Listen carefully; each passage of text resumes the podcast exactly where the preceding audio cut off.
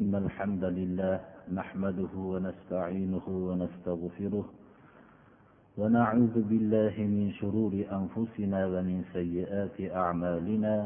من يهده الله فلا مضل له ومن يضلل فلا هادي له. وأشهد أن لا إله إلا الله وحده لا شريك له وأشهد أن محمدا عبده ورسوله. أما بعد السلام عليكم ورحمة الله وبركاته.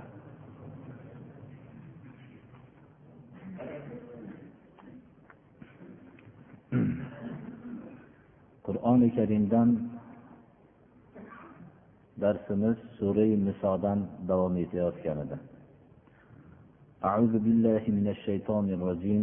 ويستفتونك في النساء قل الله يفتيكم فيهن وما يتلى عليكم في الكتاب في يتامى النساء اللاتي لا تؤتونهن ما كتب لهن وترغبون أن تنكحوهن والمستضعفين من البلدان وأن تقوموا لليتامى بالقسط وما تفعلوا من خير فإن الله كان فإن الله كان به عليما صدق الله العظيم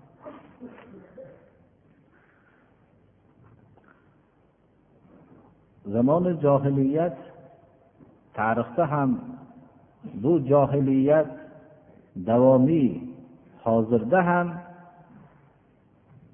jamiyatdagi quvvatli kishilarnigina ular shu jamiyatdagi quvvatli kishilargina hukmron bo'lib zo'ravon bo'lib yurishadi. Ammo quvvatsiz ayollar zaif yatimlar yatimalar va bolalar har davrdagi johiliyatda bular o'zlarining quvvatga quvvatli kishilarga zo'ravonlarga daf qiladigan quvvatlari bo'lmaganligi sababli ular jamiyatda xorlanishliklari tabiiy bir masaladir. Rasululloh sollallohu alayhi vasallam payg'ambar bo'lib kelgan vaqtlarida johiliyat hukm surardi.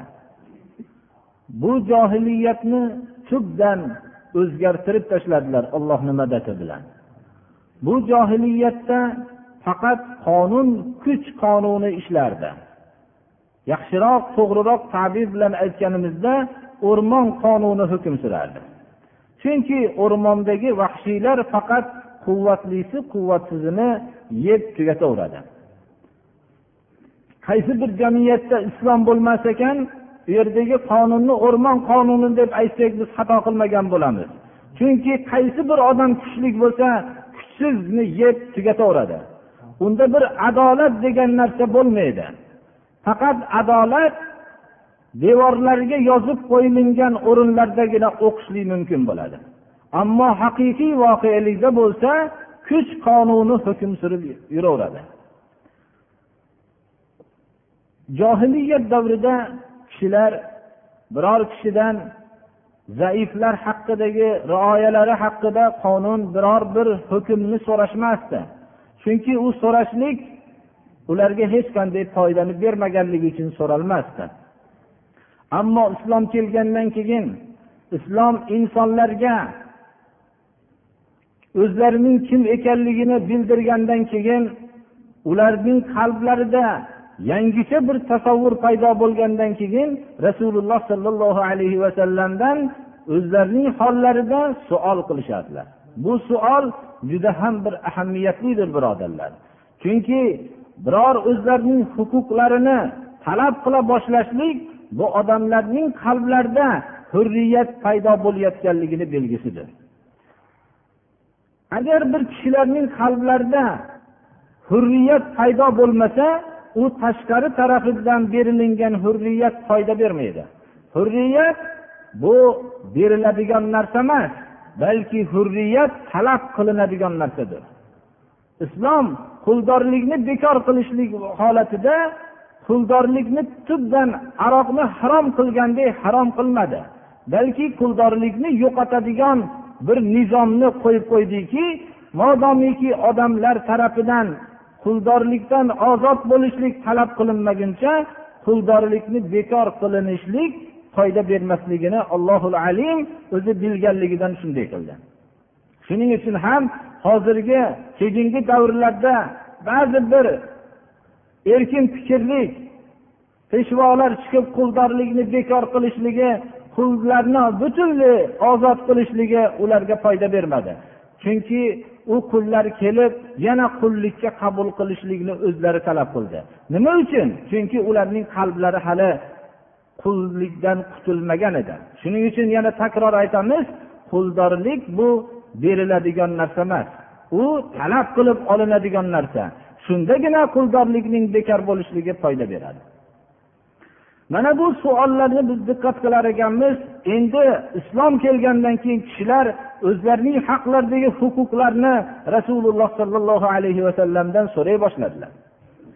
Mana bu oyat ham shunga dalolat qiladiki sizdan ayollar haqida fatvo so'rashadilar.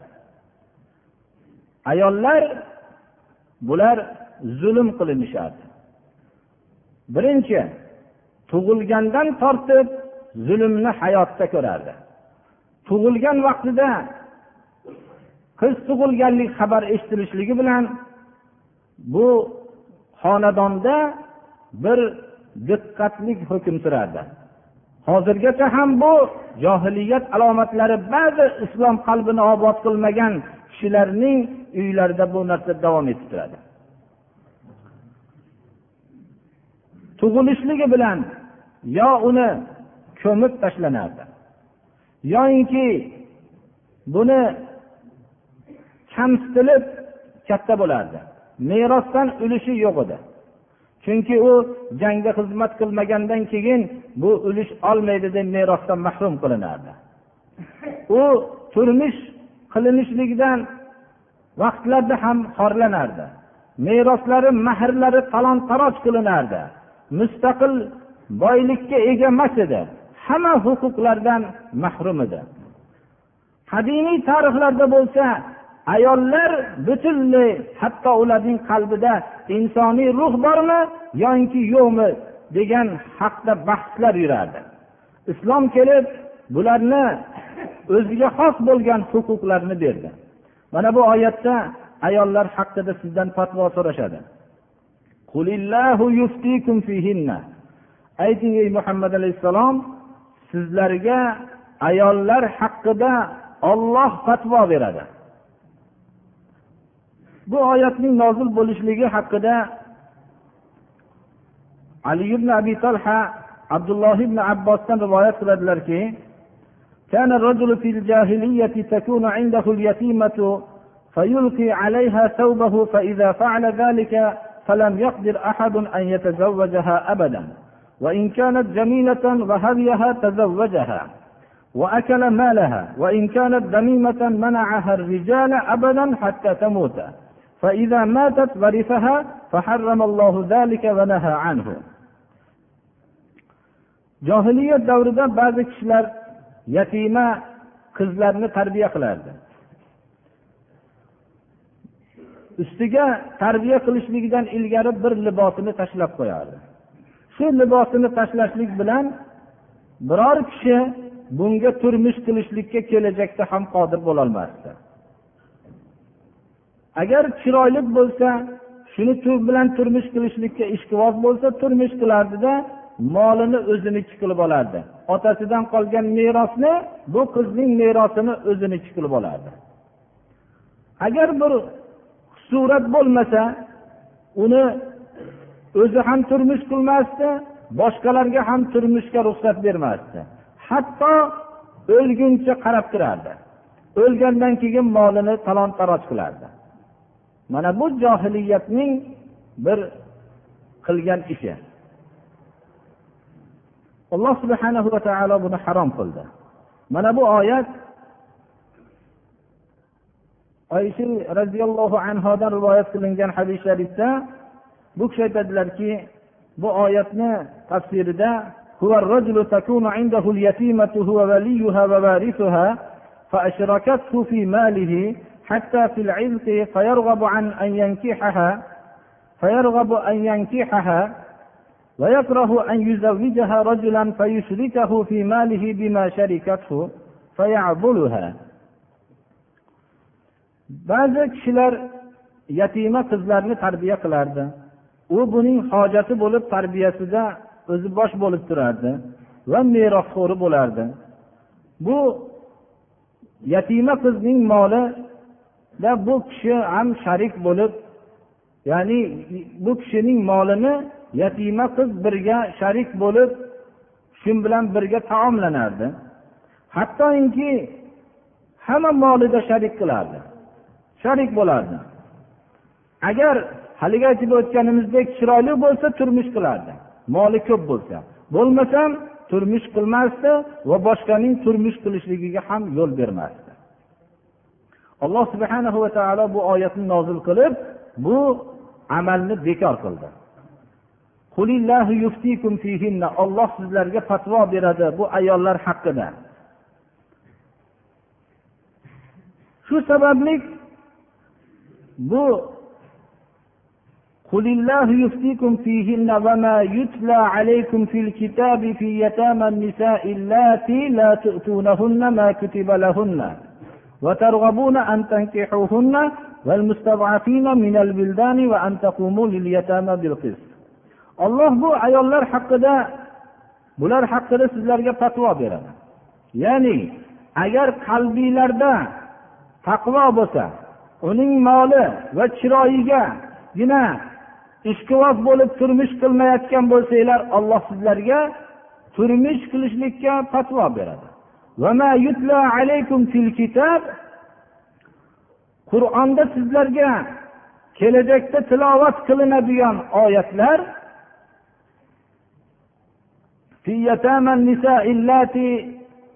sizlar ularga meroslarini bermay bermayotgan yatima ayollar haqida qur'onda sizlarga tilovat qilinayotgan oyat sizlarga fatvo beradi.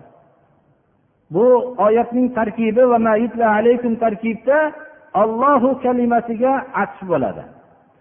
Ya'ni qur'oni karimda alloh taolo agar yatimalarga uylanayotgan vaqtinglarda adolat qilolmaslikdan qo'rqsanglar buning tarbiyasini xolis qilinglarda boshqa joydan turmush qilishliginglar mumkin degan sura nisodagi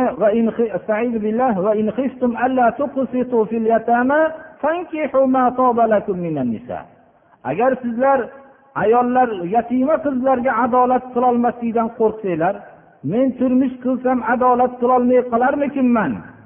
degan tashvish bo'lsa boshqa joylardan turmush qurishliginglar mumkin degan oyatga ishora bo'lyapti.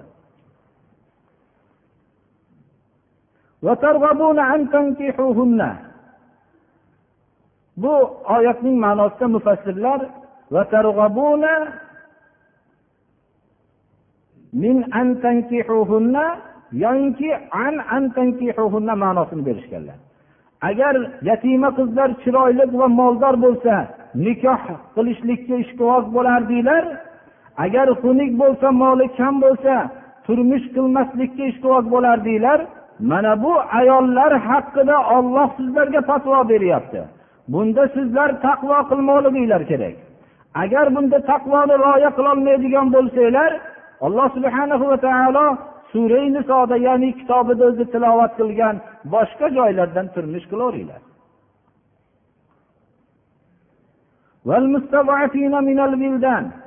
Sizlar merosda bolalarni ham mahrum qilardinglar johiliyat hali aytib o'tganimizdek bolalarga ham meros bermasdi.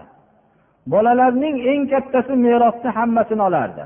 Chunki johiliyat bu merosni faqat u kishining hayotdagi qilayotgan xizmatini hisobga olib inson deydi.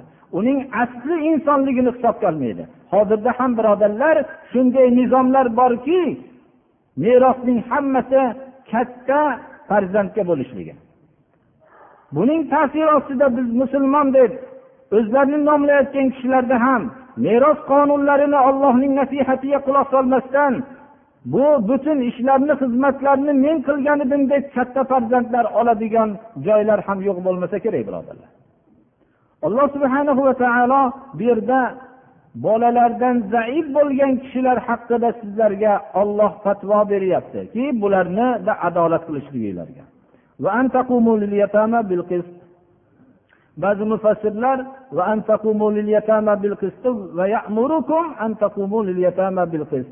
sizlarni alloh subhanahu va taolo yatimlarga adolatni barpo qilishliginglarga adolat bilan turishliginglarga buyuryapti. Kishi yatimalarni tarbiya qilayotgan kishilar qalblarida mukofotni alloh subhanahu va taolodan umid qilishlikka bu bog'liqdir. Chunki yatimalarni tarbiya qilishlik ular tarafidan sizga tashakkur bildirmaydi. Mumkin voyaga yetib katta bo'lganda sizni tanimasdan ketib qolishligi ham mumkin. Yoyinki siz taniydigan bo'lguncha o'tib ketib qolishligingiz ham mumkin. Bunday narsalar insonni yatimalarning tarbiyasidan chetga chiqib qolishligiga sabab bo'lmoqligi mumkin. Alloh subhanahu va taolo bayon qilib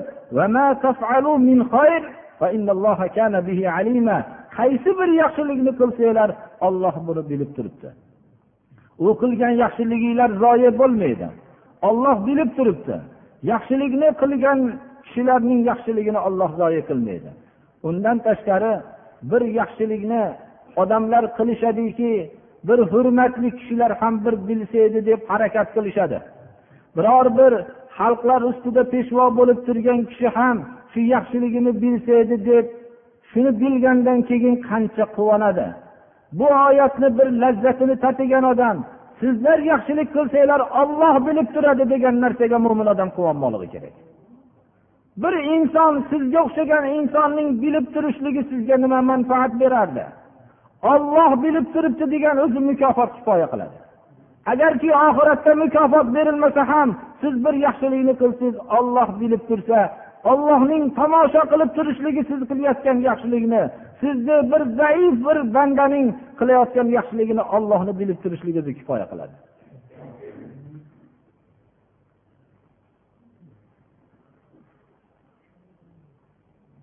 Va وإن امرأة خافت من بعلها نشوزا أو إعراضا فلا جناح عليهما أن يصلح بينهما صلحا. والصلح خير وأحضرت الأنفس الشح وإن تحسنوا وتتقوا فإن الله كان بما تعملون خبيرا. ولن تستطيعوا أن تعدلوا بين النساء ولو حرصتم فلا تميلوا كل الميل فتذروها كالمعلقة. وإن تصلحوا وتتقوا فإن الله كان غفورا رحيما.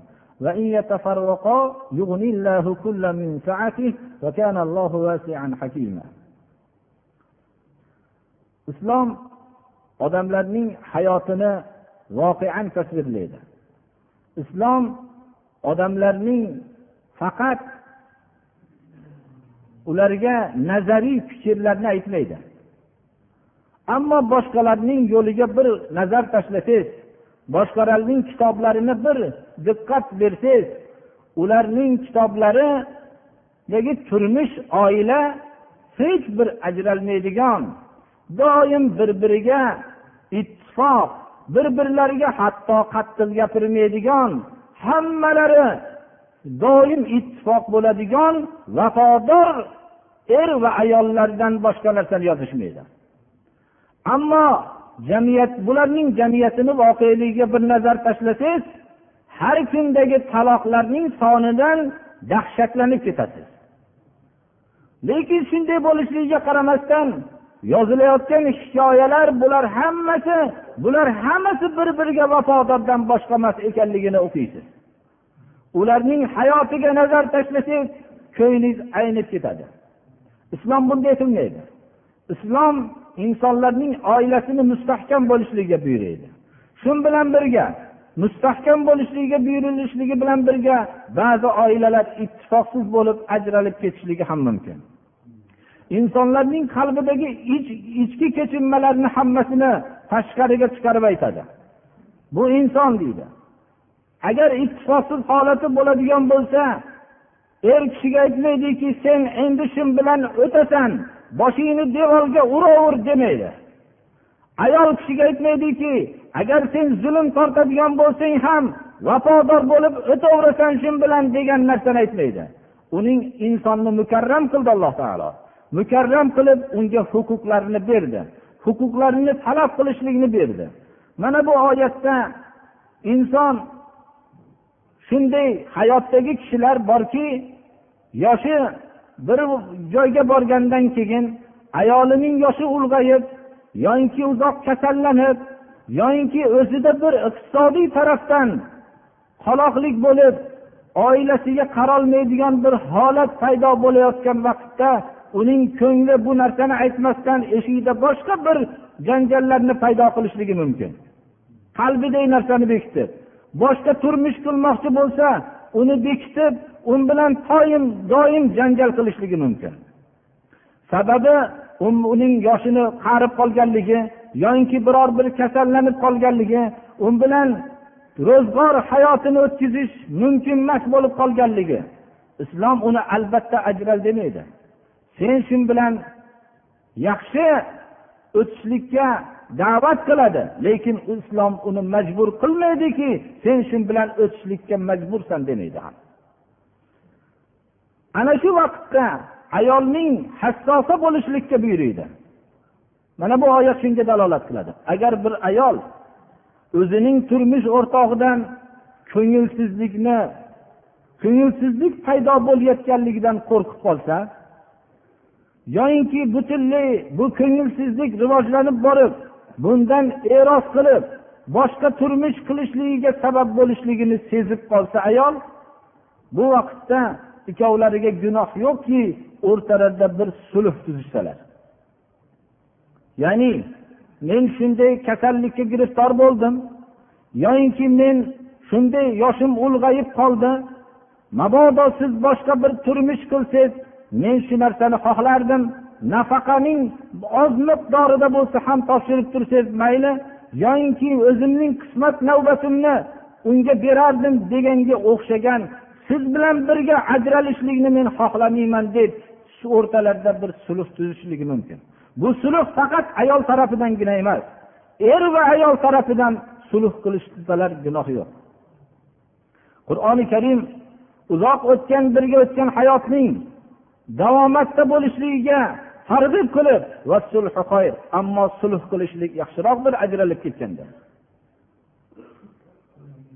Hayotning hamma masalalariga qur'on javob beryapti.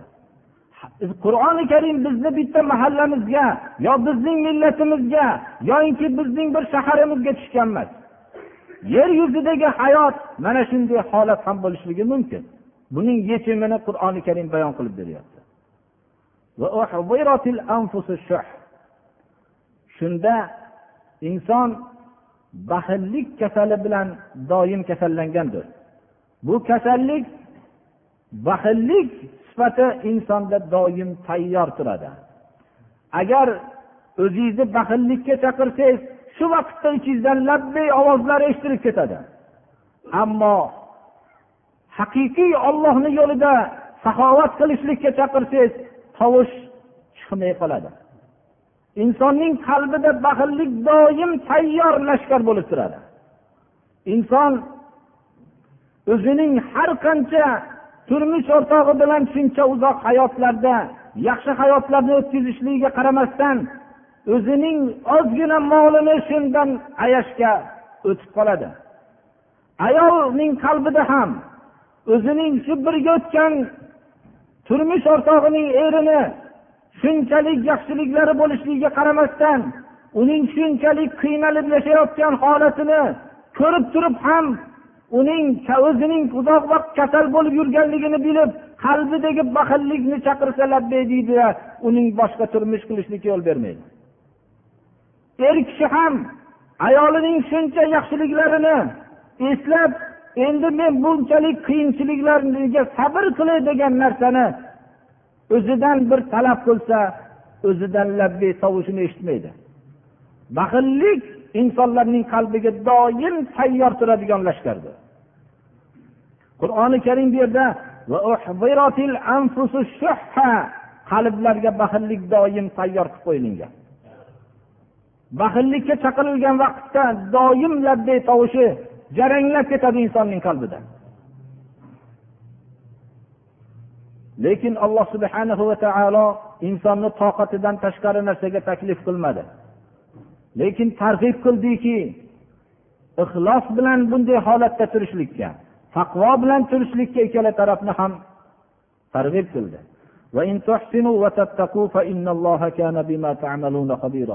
Sizlar ixlos bilan tursanglar taqvo bilan tursanglar alloh sizlarning qilayotgan amalinglardan xabardordir. Bu qiyinchiliklar zoye ketmaydi. lekin o'rtadagi sulh tuzishlik farzandlarning muvofiq bo'lib yashashligiga va o'rtadagi hayotning yana davom etishligiga sabab bo'ladi ولن تستطيعوا أن تعدلوا بين النساء ولو حرصتم فلا تميلوا كل الميل فتذروها كالمعلقة bu er kishilarga xitob qilinyapti o'zinglarni ayolinglardan tashqari biror bir uzrlar sababli turmush qilmoqchi bo'lsanglar endi yangi turmush qilingandan keyin o'rtada to'la men qalbimdan adovat adolat qilaman deb va'da qilmanglar. Qalb adolatiga har qancha haris bo'lsanglar ham qodir emassizlar chunki qalb insonning qalbi o'zining oilasidan boshqa oilaga uylangan vaqtda qalb adolati insonda bo'lishi mumkin emas. Qalb bu hech qachon adolat bilan tura olmaydi. Qur'oni karim bu haqiqatni ochiq aytyapti qalbni yaratgan zot buni bayon qilyapti. Sizlar ayollar o'rtasida adolat qilishlikka agarki butun vujudinglar bilan haris bo'lsanglar ham hargiz qodirmassizlar shuning uchun qalbda adolat bo'lishligi mumkin emasligi sababli sizlar bir tarafga tamoman moyil bo'lib ketib qolmanglar deyapti alloh taolo. Qadimiy turmush o'rtog'ini esdan chiqarib qo'ymanglar. Shahvoniy holatlar bilan avvalgi hayotni esdan chiqarmanglar bir tarafga tamomiy moyil bo'lib ketmanglar deyapti alloh taolo.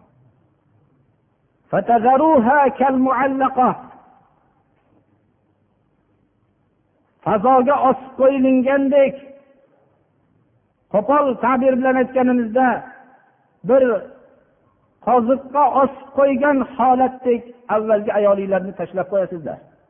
Yo turmushdan ajralgan emaski turmush hali o'rtog'i qo'yib yuborgan emas sababli yoyinki turmush o'rtog'i yo'qki undan xabar oladigani yo'q. Shunday bir holatda qo'yib qo'ymanglar.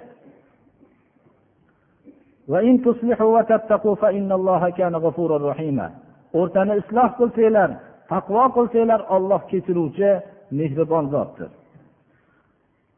Shu bilan birga ba'zi holatlarda bu turmush davom etmay qolishligi mumkin.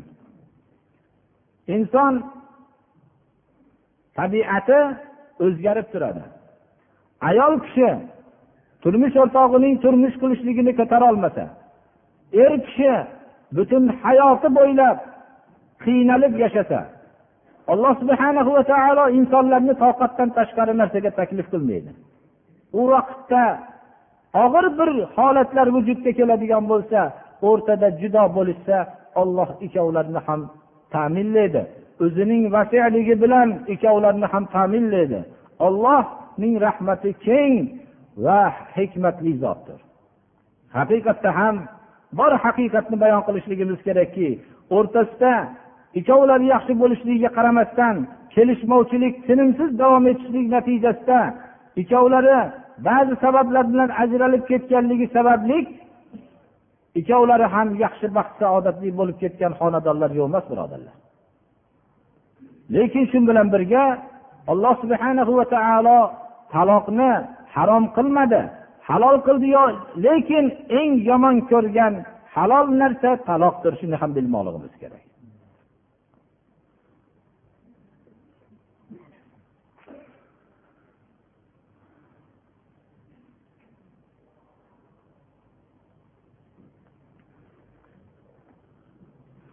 Alloh subhanahu va taolo hammamizni ham hozirgi darslardagi oyatlarga amal qilishlikka alloh tavfiq bersin. Ba'zi bir birodarlarimiz bizdan bir takror savol qilganligini shunga javob berilmaganligini yozishib shu ba'zi er bilan ayolning huquqlari haqida bir juma namozida javob berilishligini bizdan talab qilishgan ekan. Bu narsaga birodarlar vaqtni juda qisqaligi sababli darsimizni to'xtatib javob berishligimiz kerak bu savol mumkin o'zining shaxsi uchun bo'lishligi ham mumkin. Shuning uchun biz bitta odamning shaxsiga taalluqli bo'lgan narsani aytolmaymiz boshqalar foydalanishligi mumkin lekin dars davomida bunday masalalar o'tib boryapti. Shuning uchun takror aytganligi uchun men bir shu haqda biror bir hadisni o'qib bermoqchiman.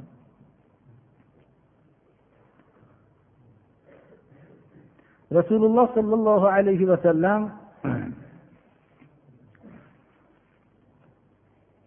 er kishilarni oilaga rahbar qilib qo'ydi.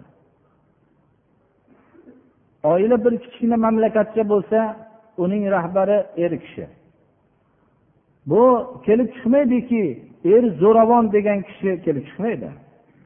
Xuddi din dushmanlari bizlarga shunday talqin qilishadi. Bu har bir mamlakat har bir maydonning bitta amiri bo'lmoqligi kerak. Yoyinki ular amir qilishmayaptimi? Ular ham qanday bir jamiyat bo'lsa bitta rahbar qilyapti. Bu rahbar o'zi haqiqiy zo'ravon bo'lishligiga qaramasdan bular zo'ravon emas deb aytishyapti. Oila bir kichkina bir mamlakatdaki u mamlakatning amiri er kishidir. Er kishini shuning uchun ham ko'p buyruqlarga buyurdiki qur'oni karim ayollar bilan yaxshilik bilan yashanglar dedi. Hozirgi aytilingan oyatlar ham shungaki tamoman moyil bo'lib ketmanglar dedi. Shu bilan birga abu hurayra roziyallohu anhudan rivoyat qilingan hadis sharifda payg'ambarimiz sollallohu alayhi vasallam akmalul mu'minina imanan ahsanuhum xuluqan va xiyarukum xiyarukum linisaihim imom termiziy rivoyatlari. Mo'minlarning iymoni komil bo'lganlari eng axloqlilaridir ularning eng yaxshilari ayollariga yaxshi munosabatda bo'lganlari. Kishilar axloqlik deb aytamiz. Payg'ambarimiz sollallohu alayhi vasallam eng iymoni komil bo'lgan kishi axloqli kishi deb qo'yyaptilar. Va shundan keyin eng yaxshilar ayollilarga yaxshi bo'lganinglar deb marhamat qilyaptilar. Bu degan so'zning bog'lanishi shuki kishilar ko'chada o'zlaridan quvvatli bo'lgan kishilarga tavozu qilib yaxshi gaplashishlik bu xulq emas birodarlar. Unga majbur hamsiz o'zingiz bilan quvvatda davlatda hamma tarafda barobar bo'lsa xususan ularga muhtoj bo'lib qolsangiz ular sizdan quvvatli bo'lsa tavozu qilmasdan boshqa nima chorangiz bor? Ammo o'zingizdan zaif bo'lgan odamga yaxshi munosabatda bo'lishlik bu o'zingiz muruvvat qilib turgan o'ringa o'zingizni o'quvchilaringizga nisbatan o'zingizdan kichik yatimlarga nisbatan o'zingizdan quvvatda zaif bo'lgan oilangizga nisbatan yaxshi bo'lishlik qalbingizdagi bu ollohga bo'lgan iymonning kuchliligini belgisidir. Shundagina insonning axloqi ma'lum bo'ladi. Ammo ko'chadan tortgan aziyatni uyga kirib oiladan o'ch olishlik bunda bunday ko'chada yurgan kishini axloqli kishi deyilmaydi birodarlar. Gadol tavozu zinik mardon nikus gadol gar tavozu kunat xoyus tavozu kichik ko'ngillilik bu katta odamlarning ishidir. O'ziz katta hurmatli odam bo'lib o'zingizdan kichik odamlarga siz kichik ko'ngil bo'lolasangiz sizni kichik ko'ngil deyiladi. Agar gaday kichik ko'ngillik qilsa uning fe'li gaday uning tirikligi kichik ko'ngillilik bilan yuradi. Uning boshqa iloji yo'q. Uni mutavozi ekan bu juda kamtar gada ekan deyilmaydi uni. Uning boshqa chorasi yo'q uni. Inson o'zidan zaif bo'lgan odamlarga nisbatan adolat qilolmasa buni axloqlik deymiz. Shuning uchun rasululloh sollallohu alayhi vasallam oshkor bir tarozini qo'yib qo'ydilarki sizlarning eng yaxshi axloqiylar oilasiga axloqli bo'lgan kishi dedilar. Rasululloh sollallohu alayhi vasallam bunda namuna edilar lekin shu bilan birga ayollar ham yaxshi bilmoqliklari kerakki ular uchun olloh rasulidan keyingi eng hurmatli kishi turmush o'rtog'idir. Buni yaxshi bilmoqliklari kerak. Qizlari bo'lgan kishilar otalar bunga xohlashsalar ham xohlashmasalar ham eshitsinlarki qizlar uchun turmushga chiqqandan keyin eng hurmatli odam turmush o'rtog'i bo'ladi. Otasidan ham hurmatli bo'ladi. Bu narsani ayollar esdan chiqarmasliklari kerak. Lekin ayollarga muruvvat qilayotganligini esga olib turib er kishilar unga zo'ravonlik qilmasliklari kerak. Ayol kishi ko'p tarafdan tavozu qilishlikka majbur bo'ladigan holatlari bor. Ana bu holatlardan er kishi foydalanib zulm qilmasligi kerak.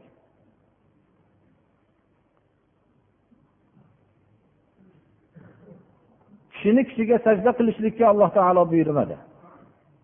Agar buyurganda ayolni erga sajda qilishlikka buyurdi degan hadislar bor birodarlar.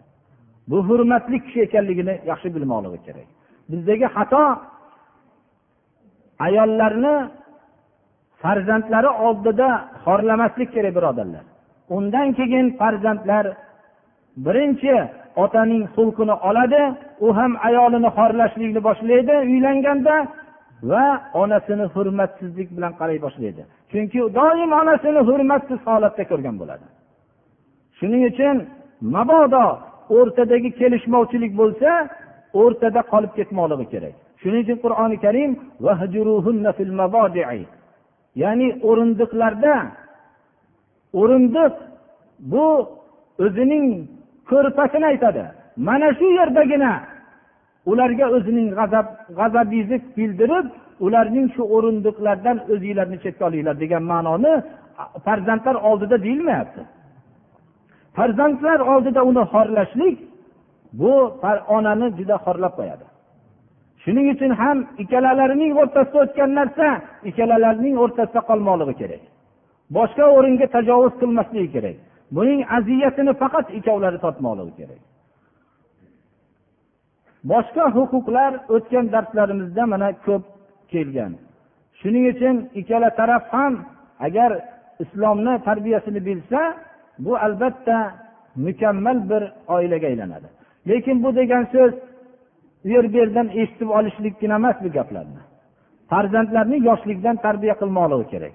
Islomiy tarbiya asosida bo'lgan oilalarda tabiatan chiqadigan kelishmovchiliklar chiqishligi mumkin lekin u boshqalarga nisbatan juda oliy bir oila bo'ladi.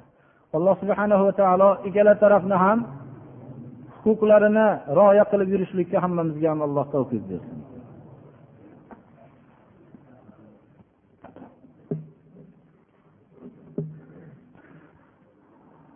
إن الحمد لله نحمده ونستعينه ونستغفره ونعوذ بالله من شرور أنفسنا ومن سيئات أعمالنا.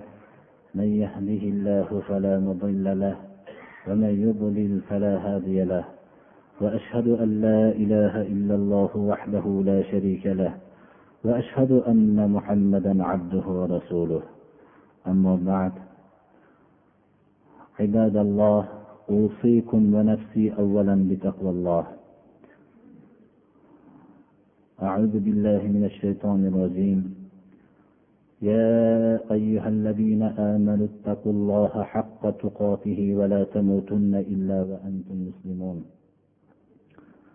alloh subhanahu va taolo hamma iymon keltirgan kishilarni ollohdan qo'rqishlikka buyuryapti Allohdan taqvo qilishlikka buyuryapti.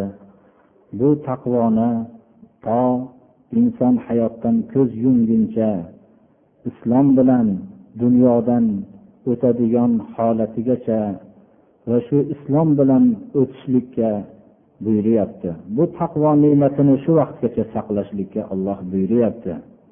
Alloh subhanahu va taolo hammamizga shu ollohdan qo'rqishlikni nasib qilsin.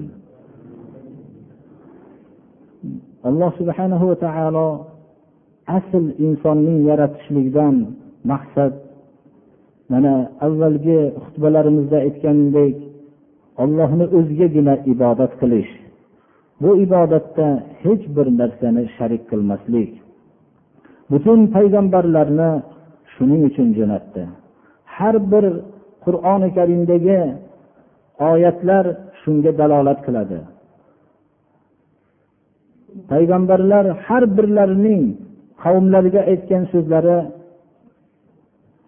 bu ollohni o'zigagina ibodat qilinglar sizlarga ollohdan boshqa ma'bud yo'q degan so'zni bayon qilishganlar.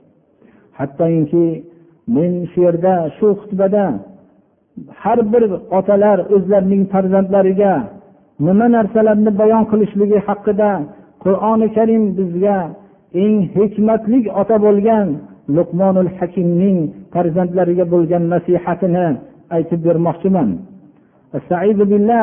وإذ قال لقمان لابنه وهو يعظه يا بني لا تشرك بالله إن الشرك لظلم عظيم alloh subhanahu va taolo rasululloh sollallohu alayhi vasallam makkada turib odamlar hammasi mushrik bo'lib ketgan vaqtida shirkdan qaytarishlikda nasihat qilib xolis gapirib turgan vaqtlarida bunday mehribon bir nasihatchini bilmagan ahli makkaga bu qarab payg'ambarimiz sollallohu alayhi vasallamning ham o'zlariga ahli makkaga va butun olamga nimani gapirishlik kerakligini va bir har bir ota o'zining xonadonida farzandiga eng asosiy bo'lgan narsa nimani aytishligi kerakligiga ishora bo'lyapti.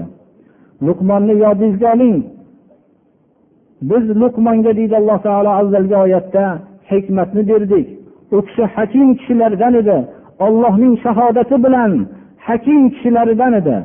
Bu kishi hikmatga shukur qilishlikka olloh tarafidan ma'mur bo'ldilar. Har bir odam olloh o'zi bergan ne'matga shukur qilsa bu o'zining foydasigadir. Olloh uning shukriga muhtoj emas. Farzandlariga nasihat qilayotganlarida qur'oni karim deyapti. Izo kalimasi arab tilida xolis bir nasihat qilishligini qur'on ham maiza nima uchun bizga xolis bir nasihatdir birodarlar? Ota farzandiga qilayotgan nasihatning xolis hech qanday bir g'arazga aralashmaganligiga alloh subhana va taolo ishora qilyapti. Haqiqatda ham dunyoda do'stlarning nasihati ham g'arazlik bo'ladi. Boshqalarning nasihatlari g'arazlik bo'ladi. Hatto ustozlarning ham shogirdlariga bo'lgan nasihatlarda g'araz bo'lishligi mumkin. Ammo otaning farzandiga bo'lgan nasihatida hech qanday g'araz aralashmaydi ikkinchidan ota farzand oldida juda katta bir shaxs hisoblanadi kichkinalik vaqtida. Shuning uchun agar bir go'dak bolaga savol qilinsaki ey dunyoda eng kuchli kim desa dadam deb javob qiladi. Shuning uchun ham biz shu vaqtda farzandni tarbiya qilayotganimizda ey aziz farzandim ollohga hech bir narsani sharik qilmang deb luqmoni hakimni nasihatlarini olmoqligimiz kerak. Chunki farzand otani roziq deb qolishligi mumkin. Yoyinki otani eng quvvatli kishi deb qolishligi mumkin. Otani shuning uchun ham ota bu nasihatni xolisligidan foydalanib farzandiga ey aziz farzandim siz ollohga hech narsani sharik qilmang shirk eng katta zulmdir deb bayon qilyaptilar. Shu bilan birga ota bilan farzand o'rtasidagi aloqa aqida aloqasi bo'lishligi kerak. Mabodo ota ona bilmagan holatda farzandni shirkka buyuradigan bo'lsa alloh subhana va taolo farzandga xitob qilib aytyaptiki siz ota onangizga itoat qilmang mana.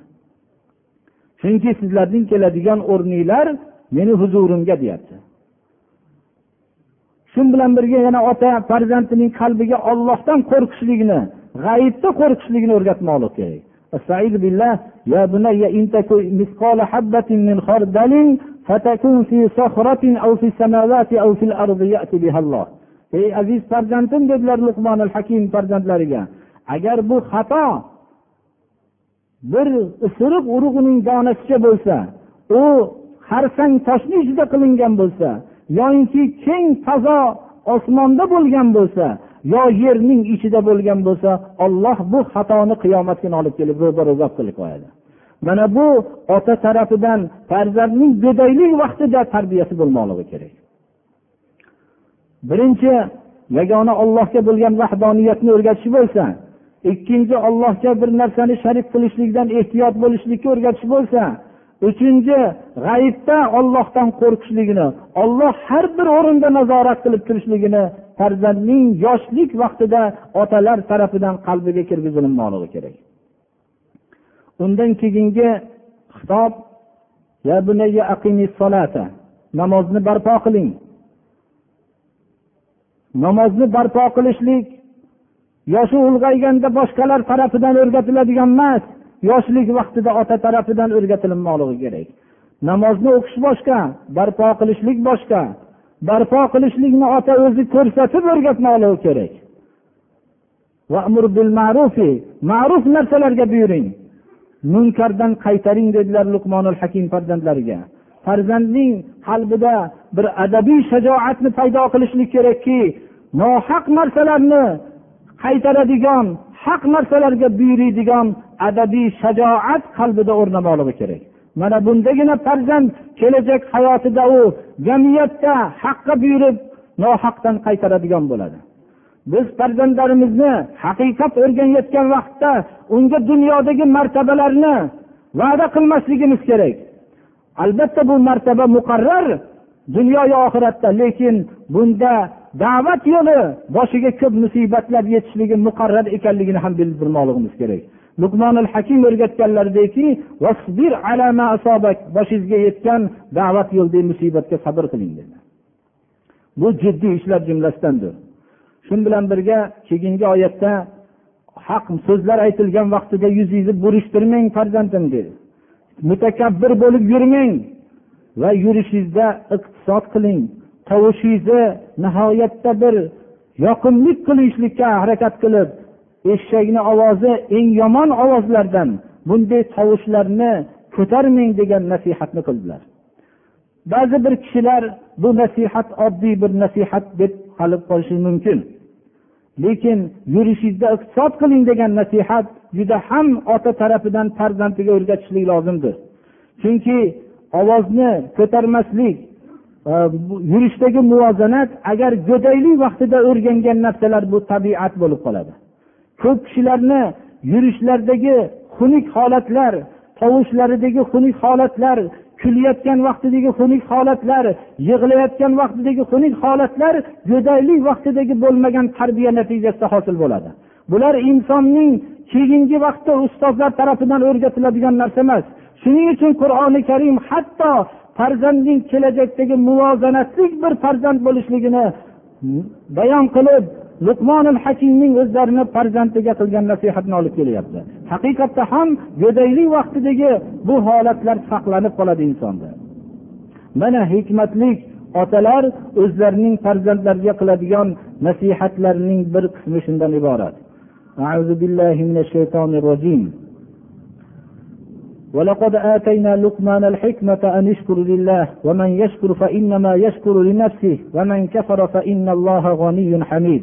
وإذ قال لقمان لابنه وهو يعظه يا بني لا تشرك بالله إن الشرك لظلم عظيم. بارك الله لي ولكم في القرآن العظيم ونفعني وإياكم بما فيه من الآيات والذكر الحكيم. أقول قولي هذا وأستغفر الله لي ولكم ولسائر المسلمين من كل ذنب فاستغفروه إنه هو الغفور الرحيم.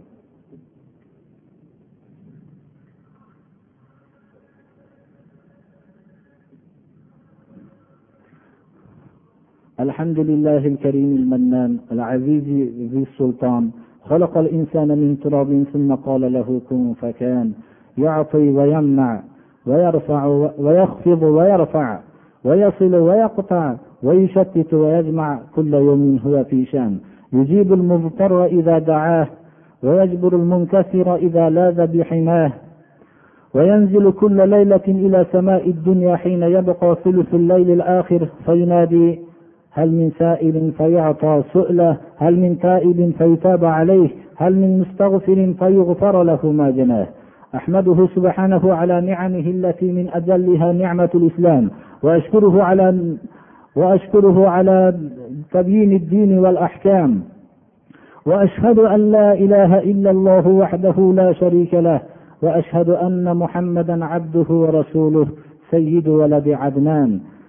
بعثه رحمة لأهل الإيمان وهجة على أهل الظلم والعدوان. نبي رجفت هيبته ملوك الجبابرة فكسر كسرى وقصر قيصر وقال سيملك هذا النبي موضع قدمي هاتان.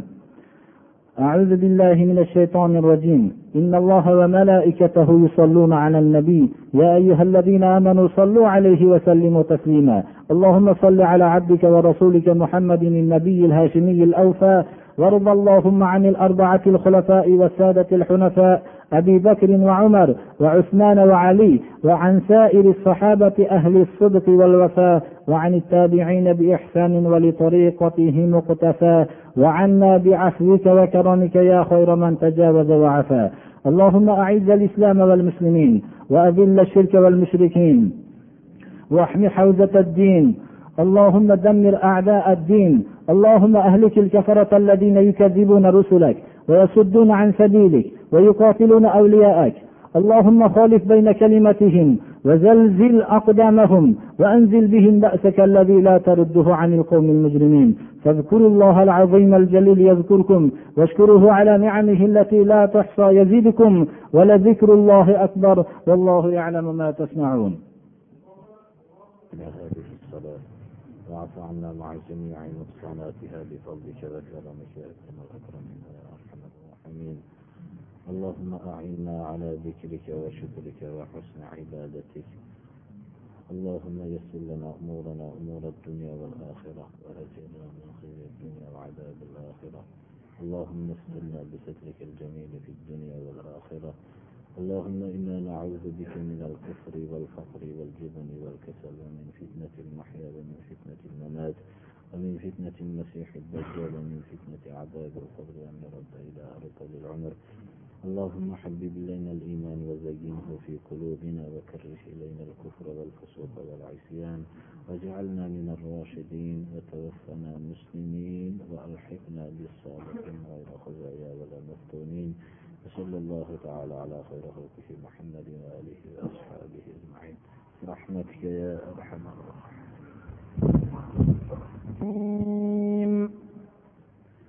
بسم الله الرحمن الرحيم. نسيق الذين اتقوا ربهم إلى الجنة زمرا.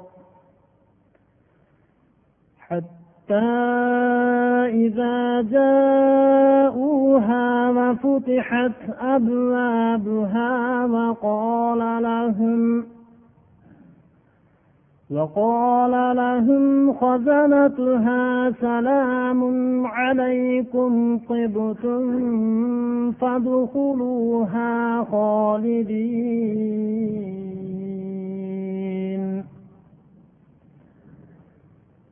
وقالوا الحمد لله الذي صدقنا وعده وأورثنا الأرض نتبوأ من الجنة حيث نشاء.